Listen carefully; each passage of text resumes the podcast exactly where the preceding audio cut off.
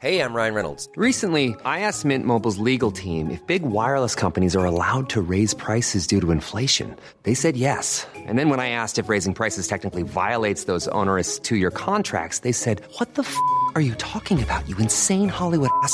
So to recap, we're cutting the price of Mint Unlimited from $30 a month to just $15 a month. Give it a try at mintmobile.com slash switch. $45 upfront for three months plus taxes and fees. Promo for new customers for limited time. Unlimited more than 40 gigabytes per month. Slows. Full terms at mintmobile.com.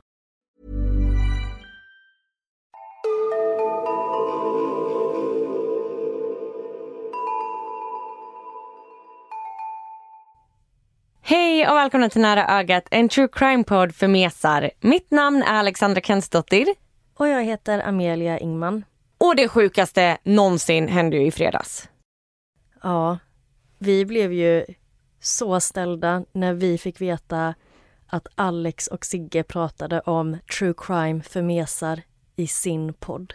Ja, de döpte till och med hela avsnittet till podd för mesar tror jag. Ja, och följer ni oss på sociala medier så såg ni säkert hur glada vi blev och att vi delade det, för det var verkligen superstort för oss. Alex och Sigges podd är ju en av de absolut största poddarna i Sverige. Ja. Och att de ens vet att vi existerar. Coolt. Ja, så sjukt! Och de hade med från SVT-inslaget när jag pratar om att kräkas. Alltså så kul. Nej men, ja. Och tack till alla som skrev och tipsade och grattade. Det var verkligen superkul. Ja, om det är någon där ute som inte vet vilka Alex och Sigge är så har de en podd. Ja, och är även extremt duktiga författare. Otroligt duktiga författare och mediepersonligheter. Vi kan ju länka, göra en liten shout-out till dem. Ja, det kanske de behöver. ja, men det var som sagt en härlig start på våran helg när det dök upp i fredags och de goda nyheterna fortsätter komma in för vi har nämligen blivit nominerade till Guldpodden 2022 i kategorin Årets krimpodd. Så om ni vill så får ni hemskt gärna gå in och rösta på oss där. Ja, och det är en sån otrolig ära för där är ju men alltså några av våra favorit true crime-poddar också nominerade. Så det känns ju superkul att få vara nominerad vid sidan av dem. Ja, jättekul. Så om ni vill rösta på oss kan ni gå in på vår Instagram eller Facebook där vi heter Nära ögat podd så kommer ni hitta länk där. Och det är klart ni ska rösta. Vi mesar måste ju hålla ihop. Precis. Ja, och med det sagt så kör vi igång dagens avsnitt. Ja, vill du börja idag Asa? Ja, absolut.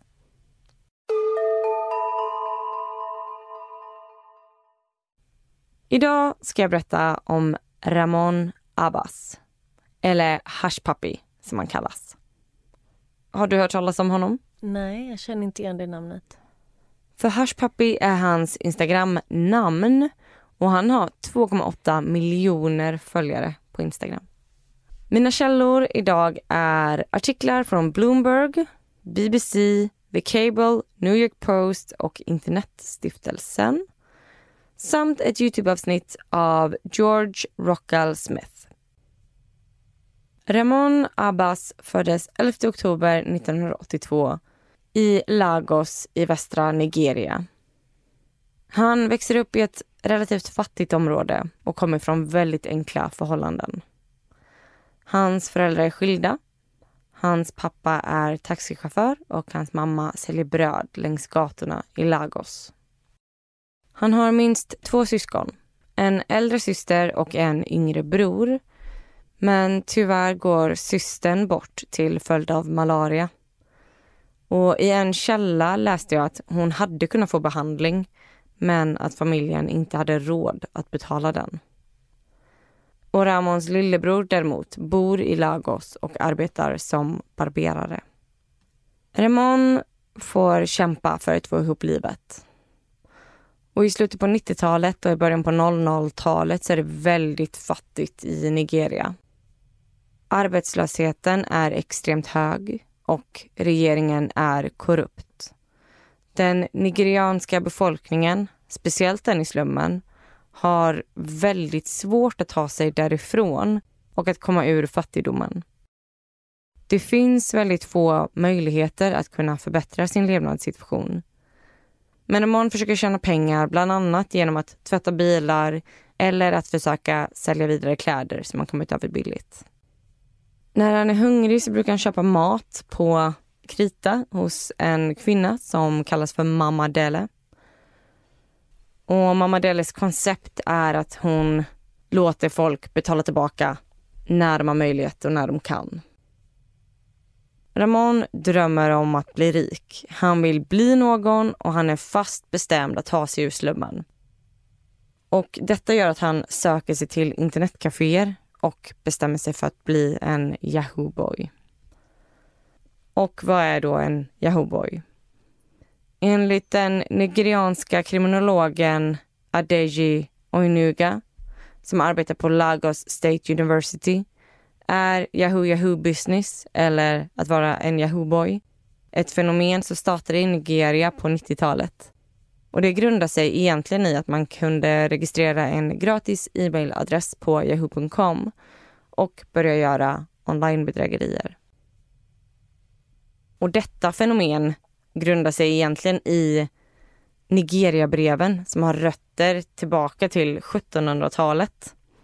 Och redan då så skickade bedragare ut brev till slumpvis valda rika människor som innehöll påhittade historier om exempelvis hur en pantsatt kappsäck innehöll guld och att den rika brevmottagaren var tvungen att köpa ut kappsäcken mot en summa pengar för att kunna få tag i guldet.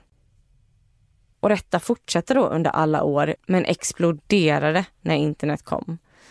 Och det var just unga män i slummen som såg detta som sin enda chans att kunna tjäna pengar. Och jag tror att de flesta har hört om det här fenomenet att få ett mail från en rik nigeriansk prins eller en rik businessman som har pengar låsta någonstans och att de i sin tur behöver en liten summa pengar för att låsa upp den här stora summan pengar som de då ska dela med mejlmottagaren. Och det här är ju ett sätt att lura folk på pengar. Idag så består Yahoo-pojkarnas bedrägerier av romansbedrägerier, identitetsstölder och Business Email Compromise, eller BEC-bedrägerier som det också kallas. Och de här BEC-bedrägerierna kan gå till på olika sätt. Men det innebär i princip att ett företag hackas och att en cyberkriminell utger sig för att vara en högt uppsatt chef för att övertyga en anställd, kund eller säljare att överföra pengar till ett falskt konto eller lämna ut känslig information som de senare kan utnyttja. Tillbaka till imorgon. Han blir som sagt en Yahoo-pojke och spenderar dagarna på internetcaféer och försöker lura ovetande på pengar. Och det går ganska trögt i början.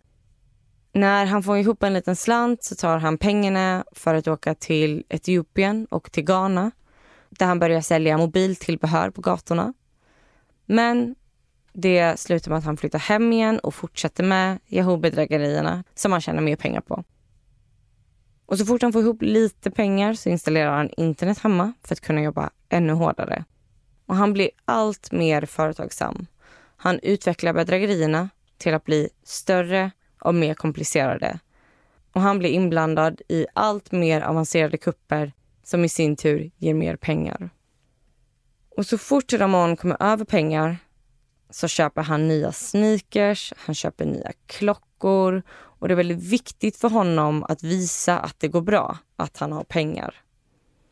Och under den här tiden så börjar nigerianska myndigheter att ta strängare tag om cyberkriminaliteten i landet.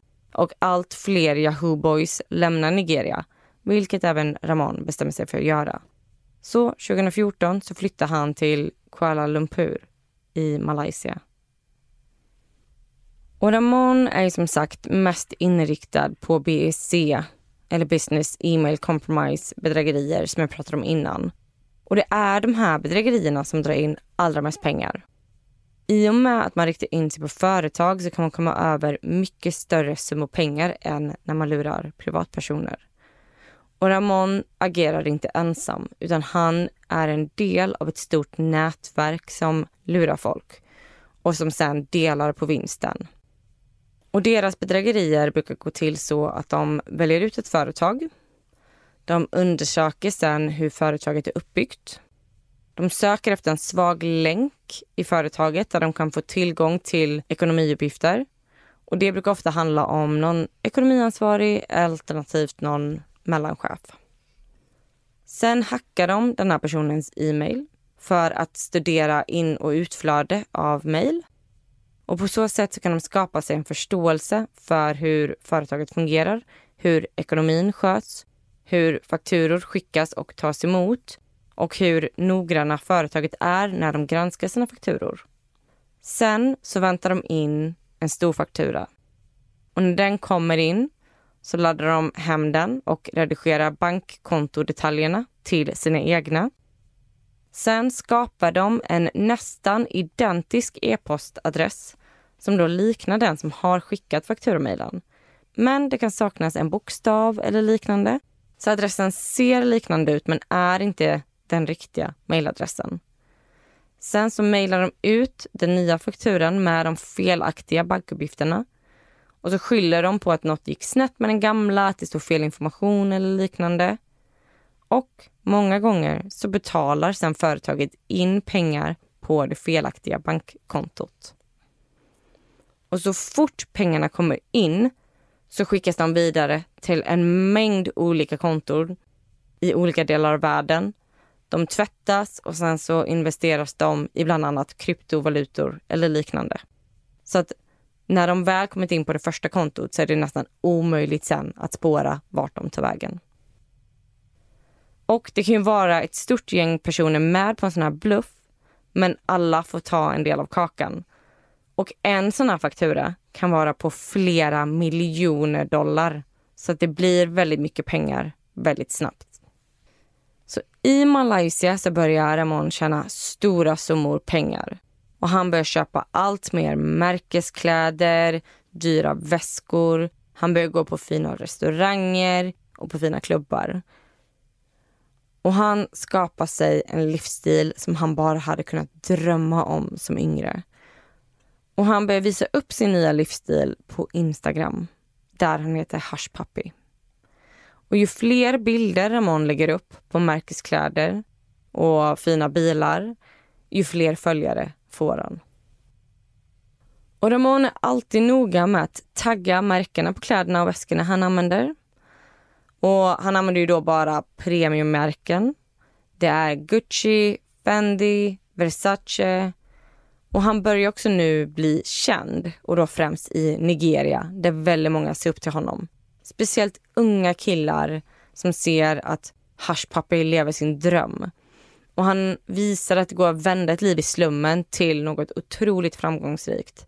Även om han inte går ut med vad det är han jobbar med. Han säger att det är inom fastigheter. Hush nämns till och med i flera låttexter av Nigerias största rappare. Ramon börjar umgås allt mer med en annan influencer och bedragare som heter Momfa som bor i Dubai. Och när Ramon är där så märker han att livet i Dubai är något helt annat. Det finns rikedom på ett helt nytt sätt än vad det finns i andra delar av världen. Och Ramon blir väldigt inspirerad och bestämmer sig för att också flytta dit. Han börjar nu tjäna allt mer pengar. Han börjar flyga privatjet. Han åker på dyra semestrar världen över, vilket också då lockar fler Instagram-följare. Han lägger ut filmer på Instagram när han köper väskor i en butik för 200 000 kronor vid ett tillfälle. Och de här exklusiva märkena ser ju honom som en otroligt bra kund. Och han är ju en reklampelare utåt i och med att han alltid taggar märkena han har på sig. Och de börjar då bjuda in honom på extremt exklusiva event. Så att allt det här blir bara en god spiral för hans Instagram-persona. För ju mer coola saker han gör, ju fler följare får han. Och ju mer han köper, ju mer spons får han. Han får gåvor av de här eftertraktade märkena mot att han lägger upp bilder på Instagram. Så nu får han också hem gratis kläder, väskor och klockor. Och han börjar också bråka väldigt offentligt med flera andra influencers, vilket bara triggar hans följare så att han får bara ännu mer följare av det här. Hush Puppy blir till och med verifierad på Instagram. Och hans följare får nu se hur han äter på världens bästa restauranger och hur han står och kastar sedlar över tjejer på nattklubbar. Och han lägger också upp filmer när hans bagage alltid får resa i en egen lyxbil. För han vill inte ha dem i samma bil som han. Alltså det låter ju som han har uppnått en helt sjuk livsstil här. Mm. Allt genom bedrägerier. Mm. Det bevisar ju bara att livet på sociala medier är sällan ett likhetstecken med verkligheten. Verkligen. Men jag förstår ju att det lockar många följare. Alltså han gästar till och med ett nigerianskt tv-program som liknar MTV Cribs, om du minns vad det gick ut på. Mm. Det är ju då att kända människor öppnar upp sitt hem för ett tv-team som då får se hur sjukt exklusivt de bor. Och ju sjukare ju bättre. Och så när Ramon är med i den här nigerianska versionen av MTV Cribs så kommer det hem en journalist till hans penthouse i Dubai där han visar upp sin exklusiva klädsamling, sina bilar, han berättar om sina fyra jacuzzis. Han har bastu, han har privat pool. Och i den här intervjun så pratar han väldigt mycket om att hans hjärta är rent och att han gör otroligt mycket välgörenhet som han inte delar med sig av på sociala medier. Och han avslutar också med att säga att han sover gott om nätterna för att han jobbar så hårt för sina pengar som han förtjänar. Ja, det kanske var lite onödigt att ta med det och verkligen pusha på hur rent hans hjärta är. Mm. Det känns som att han kryddar åt alla möjliga håll här. Och Ramon, han brukar faktiskt åka hem till Nigeria emellanåt. Och vid ett sånt tillfälle så betalar han tillbaka till mamma Deli för maten som han fick köpa på krita som ung. Och han ger henne 5 000 extra naira. Jag vet inte hur man uttalar det, men det är valutan i Nigeria. Och jag kollade upp det här lite snabbt och det verkar som att det är typ 130 svenska kronor. Vilket kanske man får mer för där, men personligen så skulle jag säga att det kanske är lite snålt. Speciellt eftersom att han brukar stå och kasta pengar på tjejer på dansgolv. Och när Ramon inte är i Nigeria så brukar han skicka pengar via sin kompis som får köpa mat och råvaror för att ge till Ramons mamma. Och Ramons mamma vet inte exakt vad det är Ramon jobbar med.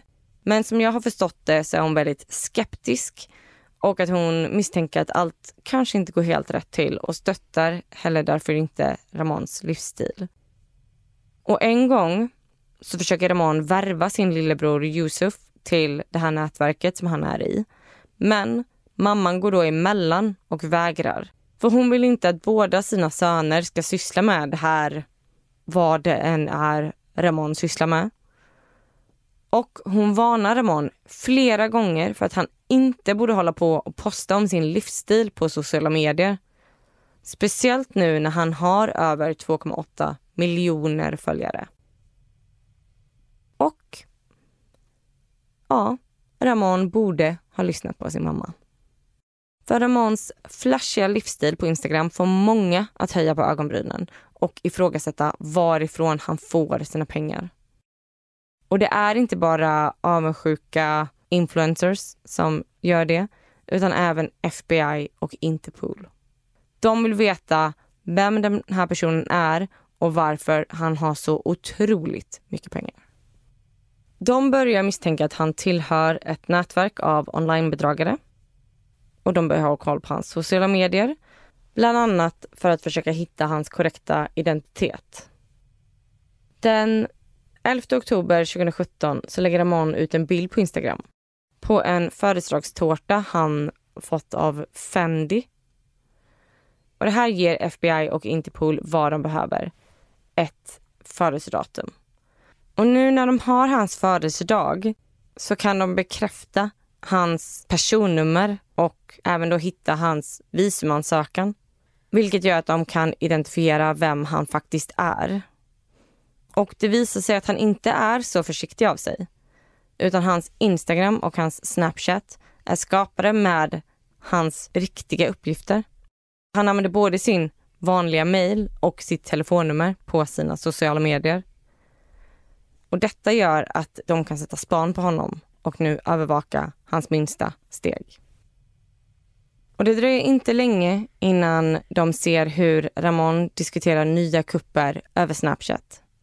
Han skriver bland annat med en kanadensisk kille om hur det behövs nya bankkonton för en kupp mot en bank på Malta. Och de skriver i detalj hur de funderar på att slå till ett visst datum. Och Ramon behöver ta fram sex olika bankkonton för att ta emot flera miljoner euro. Men när den här dagen kommer så är det bara en utbetalning som går igenom på 500 000 euro. Så dagen efter försöker de igen och då får de ut 13 miljoner euro. Banken förstår dock snabbt att något har hänt och fryser alla system. Så även om utbetalningen har skett så kommer männen inte åt pengarna. Och det är svårt att veta hur mycket de fick tag i i slutändan. För banken säger att de lyckades få tillbaka det mesta. Men det här ger ju också polisen exakt vad det är de har letat efter. Och de kan nu börja bygga ett fall mot nätverket. Klockan ett på natten den 8 juni 2020 så gör Dubai-polisens SWAT-team en razzia som de kallar för Operation Foxhunt 2. De arresterar Ramon Abbas och 12 andra som är misstänkta i den här bedrägerihärvan. De konfiskerar 47 telefoner, 21 datorer, bilar värda 7 miljoner dollar och 40 miljoner dollar i kontanter. De hittar även över 800 000 e-mailadresser som tillhör eventuella offer. Ramon Abbas blir utlämnad till USA för att möta anklagelser mot amerikanska bolag. 27 juli 2021 så inleds en rättegång i Los Angeles mot Ramon Abbas där han anklagas för bland annat pengatvätt. Och dagen efter så erkänner Ramon Abbas sig skyldig. Han riskerar nu upp mot 20 års fängelse samt att bli återbetalningsskyldig flera miljoner dollar för att sen deporteras tillbaka till Nigeria. Straffet är fortfarande inte helt satt. Det skulle tidbestämmas i september i år, men det har blivit uppskjutet. Så vi får tyvärr vänta ett tag till innan vi vet exakt vad hans straff blir. Och det var allt som jag hade just nu om influencern och bedragaren Hush Puppy, eller Ramon Abbas som han faktiskt heter. Alltså vilket sjukt fall. Man har ju hört talas om såna här internetbedragare förr. Men jag är typ lite förvånad över hur mycket pengar han lyckades komma över. Och vilken livsstil han lyckades uppnå. Ja, alltså jag tänker att vi kan typ tagga hans Instagram. För där kan man gå in och kika på hans highlights och se vilket sjukt liv han levde när han var fri. Det är lyxfester, det är helikoptrar, det är privatjet. Det är ett liv i extrem flärd och rikedom. Ja, det känns typ så här ouppnåeligt. Mm. Men eh, han var lite för kaxig där kanske med eh, skrytandet på sociala medier. Alltså genom att lägga ut vissa bilder och vissa posts så gav han i princip polisen bevis frivilligt. Men ja, man kanske blir lite avtrubbad. det man har lyckats komma undan med det i så många år så jag vet inte, man kanske blir mindre och mindre försiktig med ju mer man kommer undan med. Jo, men, och det tycker jag man hör om även bland seriemördare och sånt. Eller serievåldtäktsmän. Att ju längre de har hållit på och ju längre de har gått oupptäckta, ju mer övertro får de på sig själv och på sina förmågor och tror att de aldrig kommer åka fast. Nej, precis. Jag menar, har Ramon lyckats under så många år så ja, att han får den typen av övertro till sig själv. Mm. Och jag skulle också bara vilja avsluta med att säga att mörkertalet kring hur många som blir drabbade av onlinebedrägerier är väldigt stort då det är många som skäms och att de inte vågar anmäla. Och jag kan inte poängtera nog att det här är ingenting att skämmas över. De som jobbar som bedragare är professionella och de lever på att lura folk. Alla kan bli drabbade. Det är vd för framgångsrika företag, ministrar, det är äldre, det är yngre. Alla kan bli drabbade. Så om du råkar ut för det här, se till att anmäla och känn inte dum. Det känns som att det finns ganska mycket victim shaming just inom onlinebedrägerier. För att folk är så här, hur kunde du gå på det, hur kunde du gå på det? Men alltså det här är ju professionella bedragare som uppenbarligen lurar företag på miljoner och miljoner dollar. Så att händer det dig, känn dig inte dum. Det är inte ditt fel. Du har inte gjort något fel. Nej, verkligen. Och jag skulle bara vilja tipsa om eh, Internetstiftelsens guide kring hur man skyddar sig mot internetbedrägerier. Och Internetstiftelsen är en oberoende allmännyttig organisation som verkar för ett internet som bidrar positivt till människan och samhället. Och de har en mängd bra guider och olika case man kan läsa om. Bland annat hur man kan skydda sig mot abonnemangsfällor, vilseledande försäljning, blufffakturor och så vidare. Och för att dra det väldigt enkelt och kortfattat så ska man akta sig för det som kallas för phishing. Det innebär att någon fiskar efter dina uppgifter. De vill få dig att frivilligt lämna ut information om dig själv. Och Det kan se ut på en mängd olika sätt genom mejl, sms eller telefonsamtal. De vill att du ska bekräfta din adress eller kanske bekräfta dina kortuppgifter eller liknande. Och Det kan ju handla om att man får ett mejl från ett företag man gillar. Man uppmanas att besöka deras hemsida och uppdatera sina uppgifter. Problemet är bara att det kan vara en kopia av sajten som du är inne på. Bara att de har ändrat en bokstav i URLen eller alltså hemsidaadressen. Så att när du går in och kikar på deras hemsida så ser det ut som den vanliga hemsidan. Men det är någonting lite, lite lurt och det är någonting som är lite fel. Och man ska aldrig klicka på något om man misstänker att det kan vara phishing, att någon försöker få dina uppgifter. Man ska inte klicka på bifogade filer.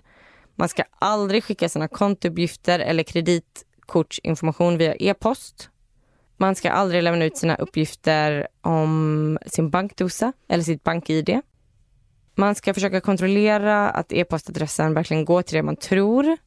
Och innan man klickar på en länk så kan man hålla muspekaren över länken så kan man se adressen som länken går till. Dubbelkolla den så att länkbeskrivningen stämmer överens med URLen som du ska gå in på. Och öppna inte bilagor som du inte väntar på att få, hur angeläget den kan vara. Inget företag som du är kund hos kommer någonsin be dig om att få dina uppgifter via mail. Ring hellre och dubbelkolla. Ja, jättebra tips. Så att bara ha era känselspröt ute. Känns det fake så är det förmodligen fake.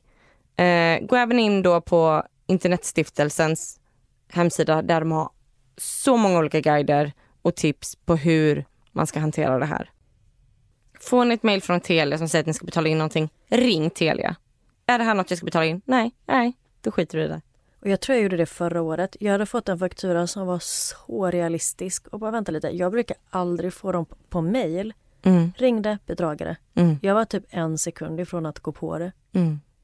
De är sjukt duktiga och det är ingenting att skämmas över om man gått på det, för det är många som gör. Det viktiga är att vi anmäler så att man går till botten med de här fallen. Men nu är jag trött på bedragare och vill bara lyssna på ditt fall.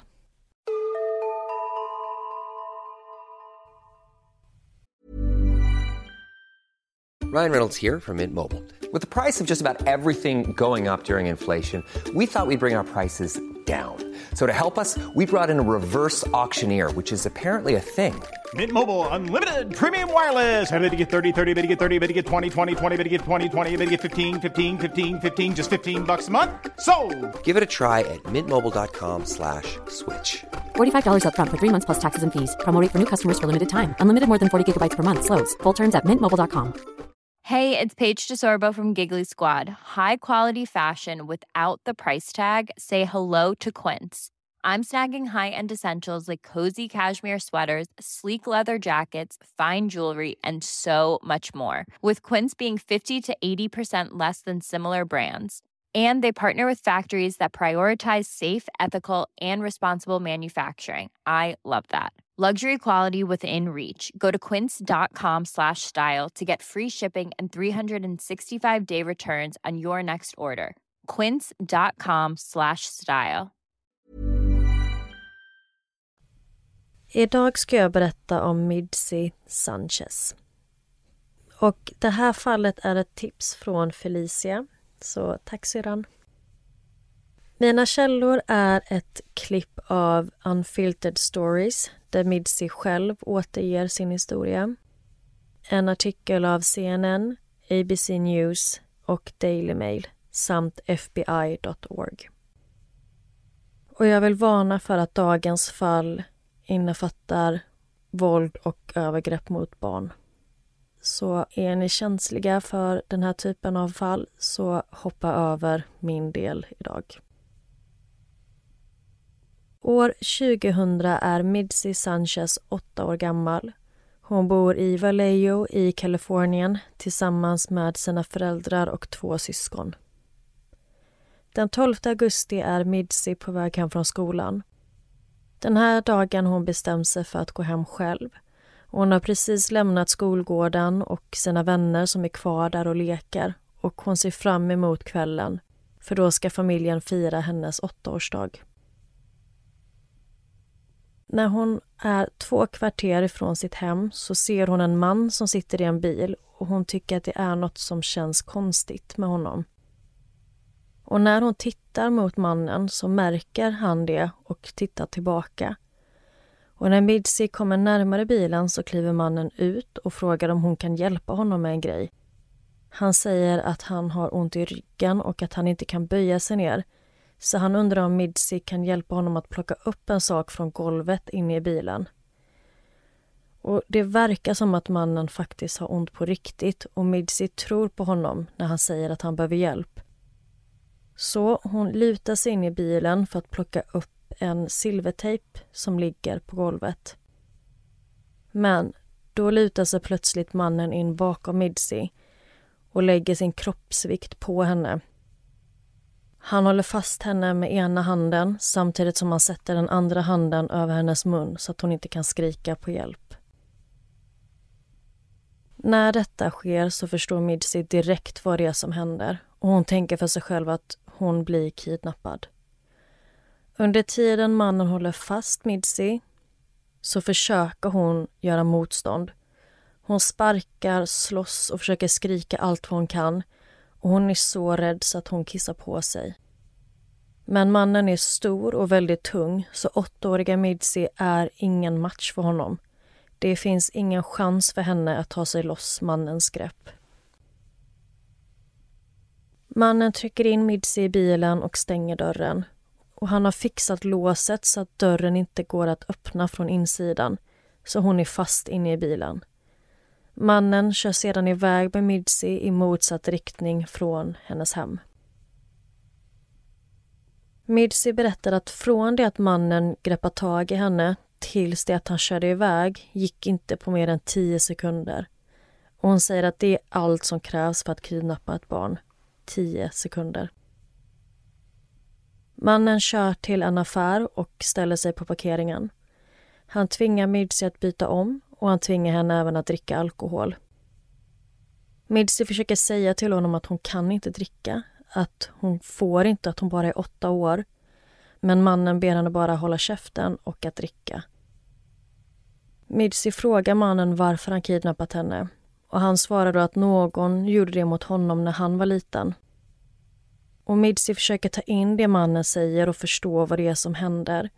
Och hon blir orolig för att detta innebär att hon kommer göra samma sak mot ett barn när hon blir vuxen. Efter att mannen tvingat henne dricka alkohol och byta om så kör han till en rastplats i utkanten av stan och där spenderar de första natten. Mannen täcker över alla fönster i bilen med insynsskydd, filtar och handdukar så att ingen ska kunna se in i bilen. På kvällen börjar Midsi fundera över ifall hennes familj letar efter henne eller ifall de ens vet vad som hänt. Hon är rädd för att de inte vet att hon är kidnappad för det kanske inte var någon som såg när det hände. Och under första natten så förgriper sig mannen på Midsi. Och under samma natt så bestämmer sig Midsi för att hon ska försöka fly. Hon försöker komma på något sätt som hon kan ta sig därifrån och hon frågar mannen ifall hon kan få gå på toaletten. För hon tänker att då kanske hon har möjlighet att rymma eller kanske be någon om hjälp. Men mannen säger nej och hon får en plastlåda att kissa i. Han tar sedan fram en lång kedja som han fäster runt Midsis vänstra ankel och sen i växelspaken. Och när han låser fast henne så säger han att han har gjort detta mot många flickor tidigare och ingen har någonsin lyckats fly, så hon ska inte ens försöka. Och eftersom han har kidnappat flera barn tidigare så förstår mannen vad Midsi vill när hon ber om att få gå på toaletten. Och han fattar att hon håller på att smida en plan för hur hon ska fly. Så han försöker nu skrämma Midsi så att hon inte ens ska våga försöka. Han har alltså kidnappat barn innan? Ja. Jag kommer berätta lite mer senare om hans tidigare offer men tack vare Midsi så kommer det här bli hans sista kidnappning. Okej. Okay. Timmarna går och när det är mörkt ute så ser Midsi en polisbil som kör förbi. Men polisen stannar inte och nu börjar Midsi tappa hoppet. Dag två så kör mannen dem till en annan stad och Midsi tycker att det känns som att de kör i flera timmar och hon har ingen aning om var de är. Vid flera tillfällen så lämnar mannen Midsi ensam i bilen och när han kommer tillbaka så berättar han att han har sett hennes familj på nyheterna och han visar även en tidning som har en bild på Midsi.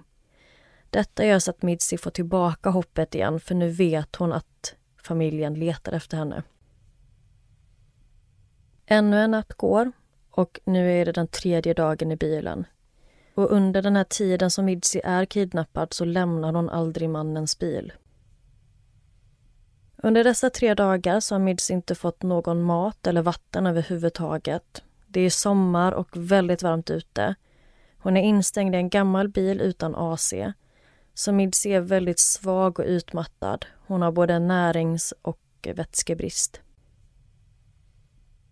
Under de två nätterna som Midsi spenderat i bilen så vägrade hon sova.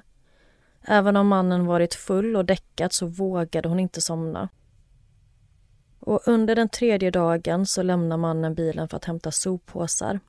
Vilket han senare skulle erkänna var för att lägga Midsis kropp i.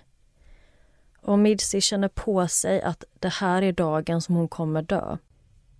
Så hon börjar be till Gud om förlåtelse för att hon vill vara säker på att om hon dör så måste hon komma in i himlen. Och hon kryper över till förarsätet, lutar huvudet mot ratten, knäpper sina händer och ber. Och hon förbereder sig mentalt på sin död. Men hon är bara åtta år och gör det här. Ja, alltså det är så hemskt men hon kommer klara sig. Mannen kommer tillbaka till bilen och han lutar sig in över Midsi från passagerarsidan in mot förarsätet där hon sitter och tappar då en nyckelknippa på golvet. Och han säger till Midsi att hon inte får titta på golvet. Men sen så lämnar mannen bilen igen och då tittar hon såklart ner på vad det var han tappade. Och det är massa nycklar på den här nyckelknippan. Och hon hittar nyckeln som passar till låset på kedjan som sitter runt hennes ben. Så hon låser upp kedjan och är helt förvånad över att hon lyckats hitta rätt nyckel. Men hon vet inte vad hon nu ska göra. Hon har ingen plan och hon är livrädd. Och hon minns att mannen har sagt att om hon försöker fly så kommer han att döda henne. Så hon låser fast kedjan igen. Men hon ångrar sig och tänker att det här är hennes enda chans. Så hon låser upp kedjan en gång till, rullar ner rutan och hoppar ut genom fönstret. Men hon är som sagt väldigt svag, trött och utmattad så hennes ben orkar knappt hålla uppe henne. Hon kan inte ens springa utan börjar gå bort från bilen. Hon går mot vägen och hör då hur mannen skriker efter henne att komma tillbaka. Det kör förbi massa bilar men ingen stannar. Och hon ser en lastbil komma runt kröken längre ner på gatan körandes mot henne. Och hon är helt desperat så hon slänger sig framför lastbilen. Lastbilen tvärbromsar för att inte köra på henne men Midsi bryr sig inte om hon blir träffad. Hon blir hellre påkörd än att gå tillbaka till mannen. Men lastbilen hinner stanna. Så Midsi tar sig fram till fönstret på förardörren till lastbilen och säger att hennes namn är Midsi Sanchez och att hon har blivit kidnappad av mannen som står där borta. Och kidnapparen hoppar då in i sin bil och kör därifrån. Men lastbilschauffören hinner se kidnapparens registreringsskylt och ringer polisen. Och cirka 7 till 11 timmar senare så hittar polisen mannen och griper honom. Vilket proffs som han ser registreringsskylten. Ja, och att han direkt förstod att det här är på riktigt, alltså Mm. allvaret i situationen. Otroligt imponerande. Och imponerande av att Midsi lyckades ta sig ut ur bilen, att hon vågade. Men alltså hon är otrolig. För att vara åtta år. Mm. Och att hon förstår att så här, alltså hon tvekar att låsa fast sig själv igen. Men inser sen att nej, det här är min sista chans att låsa upp kedjan en gång till. Ja, och vem vet vad som hade hänt om hon inte hade gjort det. För Ah. som sagt, mannen gick och köpte de här soppåsarna med tanken att göra sig av med hennes kropp. Hon räddade verkligen sitt eget liv där. Mm. Och efter att den här lastbilschauffören ringt 911 så blir Midsi omhändertagen av polisen och hon är tvungen att besvara massvis av frågor från utredarna. Hon är även tvungen att genomgå ett så kallat rape kit. Hon får lämna ifrån sig sina kläder som bevismaterial och hon är fortfarande bland främlingar, vilket är väldigt jobbigt för henne. Men hon kände sig ändå säker i deras sällskap. Hon säger att de tog väldigt bra hand om henne under utredningen och hon fick massvis med mat. Men det tog ett tag innan hon fick träffa sin familj igen och efter flera timmar hos polisen så kör de äntligen hem till Vallejo igen där hon möts upp av sin familj. Midsi berättar att hon skrattade och grät och var full av känslor. Hon kände både lycka och sorg men hon är väldigt glad över att få vara hemma igen. Och Midsi berättar att efter återföreningen så blev hennes liv aldrig sig likt igen. Att när man tvingats gå igenom något sånt här så förändras man som person och man är inte densamma som man var innan övergreppet. Och hon säger bland annat att mannen som kidnappade henne tog ifrån henne hennes värdighet. Hon berättar även att hennes familj hade väldigt svårt att hantera det som hänt. Både Midsi och familjen blev ombedda att inte prata om det och Midsis föräldrar och syskon hade blivit tillsagda att inte ställa några frågor. Och till en början så ville Midsi inte prata om det för att hon tyckte att hon redan hade varit tvungen att berätta vad som hänt så många gånger för polisen. Men efter ett tag så börjar Midsi gå i terapi för att bearbeta allt.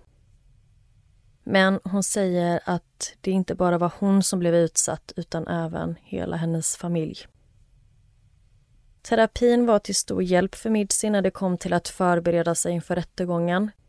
Och det gav henne det självförtroendet som hon behövde för att våga vittna framför alla i rätten och även peka ut mannen och möta honom för första gången sedan kidnappningen. Kidnapparens namn är Curtis Dean Anderson och som jag nämnde innan så hade han sagt till Midsi att han kidnappat andra flickor tidigare. Och om Midsi inte hade lyckats fly och rädda sig själv så är det inte säkert att hon hade överlevt. Och mannen hade med största sannolikhet fortsatt utsätta barn.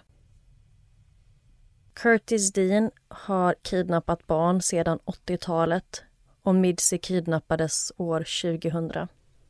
Va? Han har alltså kidnappat barn sedan 80-talet? Ja. Hur gammal är han? Oj, det vet jag inte, men på FBI.gov så har de en lista på Curtis Deans offer som han då har berättat om. Och då är det första offret 1984. Usch vad hemskt. Curtis Dean Anderson dömdes till över 300 års fängelse. Och anledningen till att han fick så långt straff var för att han dömdes för ett mord på en annan flicka som utfördes 1999, nämligen sjuåriga Xenia Fairchild som kom från samma stad som Midsey i Kalifornien. Och han dömdes även för flera andra brott. Curtis Dean intervjuades av FBI-agenter i november 2007 och han erkände då att han hade mördat åtta offer i USA.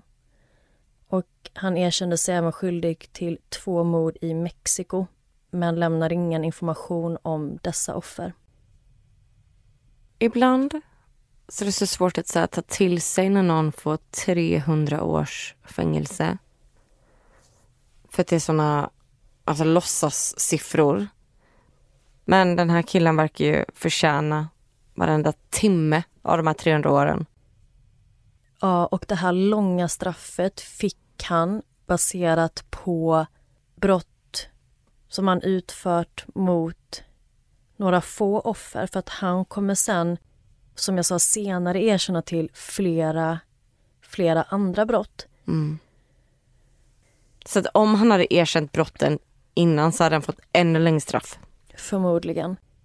Och det är helt otroligt att tänka på vad som hade hänt om Midsi inte hade lyckats ta sig därifrån och i stort sett stoppa honom.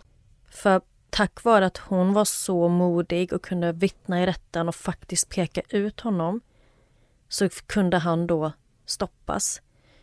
Så att om hon inte hade gjort detta så hade han förmodligen kidnappat och eventuellt mördat ännu fler barn.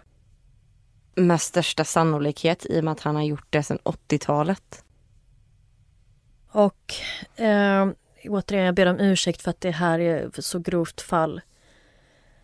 Men Curtis Dean dog av njursvikt i fängelset efter att han avtjänat åtta år av sitt straff. 292 år kvar bara. Ja, exakt. Efter kidnappningen så får Midsis familj jättemycket stöd från hela landet. Hennes historia blir väldigt känd och det samlas massvis med folk utanför Midsis hem för att lämna presenter och visa stöd och be för henne. Midsi var tillbaka på sin skola två veckor efter att hon lyckades fly och hon översvämmades då av frågor från nyfikna klasskamrater. Och hon genomgick aktiv behandling för posttraumatiskt stresssyndrom och kämpade för att bearbeta det som hänt henne och komma tillbaka till det normala igen. Men hon kände inte att någon kunde relatera till henne och att folk inte förstod henne eller det hon gått igenom. Midsi blir djupt deprimerad och när hon kommer in i tonåren så slutar hon med terapin och börjar istället vända sig till droger och alkohol för att hantera det hon gått igenom. Hon berättar själv att hon gick från depression till ilska och sedan förvandlades ilskan till slagsmål och slagsmål ledde till gäng och hon beskriver sin tonår som kaosartad. 2009 så är Midsi med om en bilolycka hon åker i en bil med en förare som är full och de krockar och Midsi slungas ut ur vindrutan och bröt flera ben i kroppen, men klarade sig. Hon var bara 16 år när det hände och när hon togs till sjukhuset så fick hon även veta att hon var gravid. Och hon beskriver detta som en livsavgörande upplevelse och hon visste att hon ville vara annorlunda. Så detta blev verkligen en vändpunkt i livet. Och under 2009 så får Midsi höra talas om en annan flicka som försvunnit. Och den här flickan var också bara åtta år, latinamerikan och kom från en familj som liknade Midsis egen.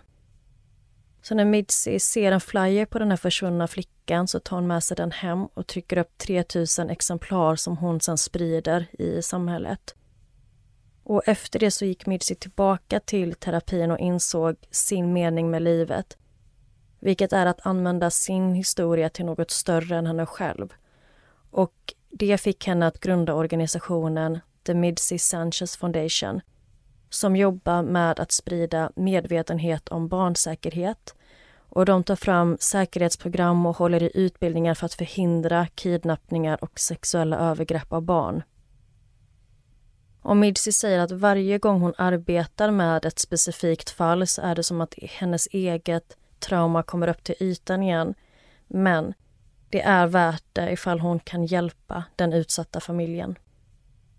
Och hon lyckades vända sin traumatiska upplevelse till något stort och viktigt. Och hon säger att det är därför hon fortfarande lever. För att hon vill vända sin situation till något större än sig själv. Efter Midsi lyckades fly och hon fick den här stora stöttningen från samhället så minns hon en sak som många sa till henne och som följt med henne resten av livet. Och det är att det inte var hennes fel. Idag jobbar Midse som sagt med att hjälpa andra som har blivit utsatta och hon berättar att hon ofta stöter på offer som känner att det är deras fel och att det kanske inte finns någon där för dem att säga att det inte är det och det är aldrig offrets fel. Midse säger att som offer så har man ingenting att göra med det en människa väljer att utsätta en för.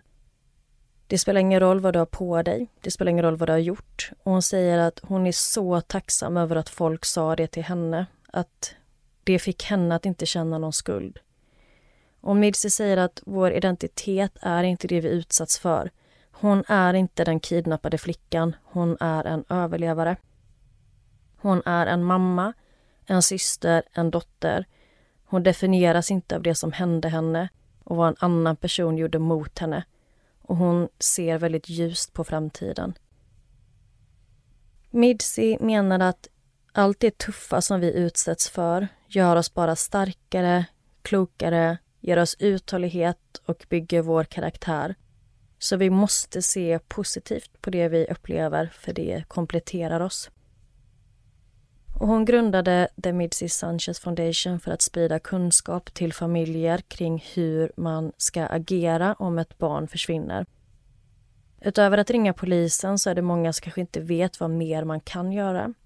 Och ofta ber polisen familjen att hålla sig utanför utredningen. Så Midsi utbildar familjer kring vad de kan göra från sitt eget hem och erbjuder även stöd.